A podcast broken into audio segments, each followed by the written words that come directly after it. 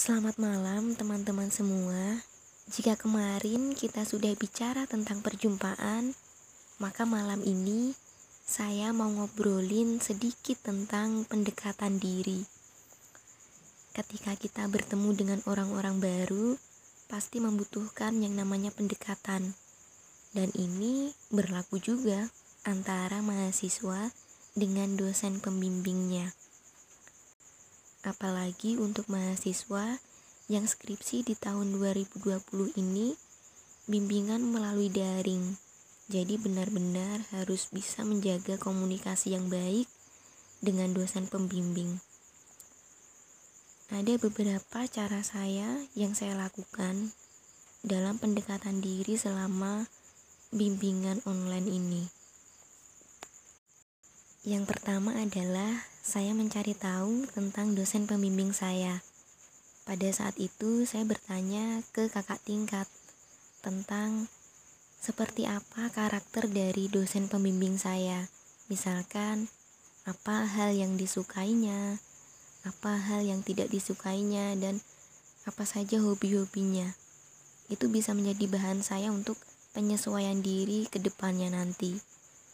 Dan yang kedua adalah saya mengusahakan untuk sering-sering menghubungi beliau walaupun sekadar meminta pendapat beliau tentang landasan teori apa yang kiranya cocok untuk skripsi saya. Kemudian yang ketiga adalah ketika saya bimbingan atau konsultasi, saya mengusahakan untuk selalu menghubungi beliau di jam kerja dan di hari kerja. Jadi misalkan sudah jam 5 sore, saya sudah tidak berani lagi menghubungi beliau.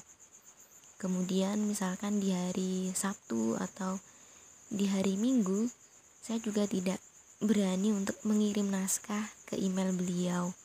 Yang terakhir adalah mengucapkan terima kasih serta memberikan kenang-kenangan sederhana sebagai bentuk terima kasih atas bimbingan, bantuan, serta ilmu yang telah diberikan selama proses bimbingan berlangsung.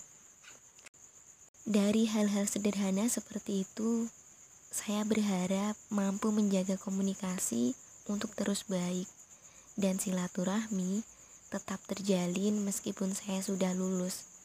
Dan saya percaya ketika kita menjaga silaturahmi dengan siapa pun, maka hal-hal baik akan datang dengan sendirinya. Sekian untuk episode malam ini. Terima kasih untuk yang sudah dengar. Kita jumpa lagi di hari ke-8 bulan Desember membawakan tema tentang pasangan. Saya Novia, penjaga kedai semesta. Izin pamit sebentar ya.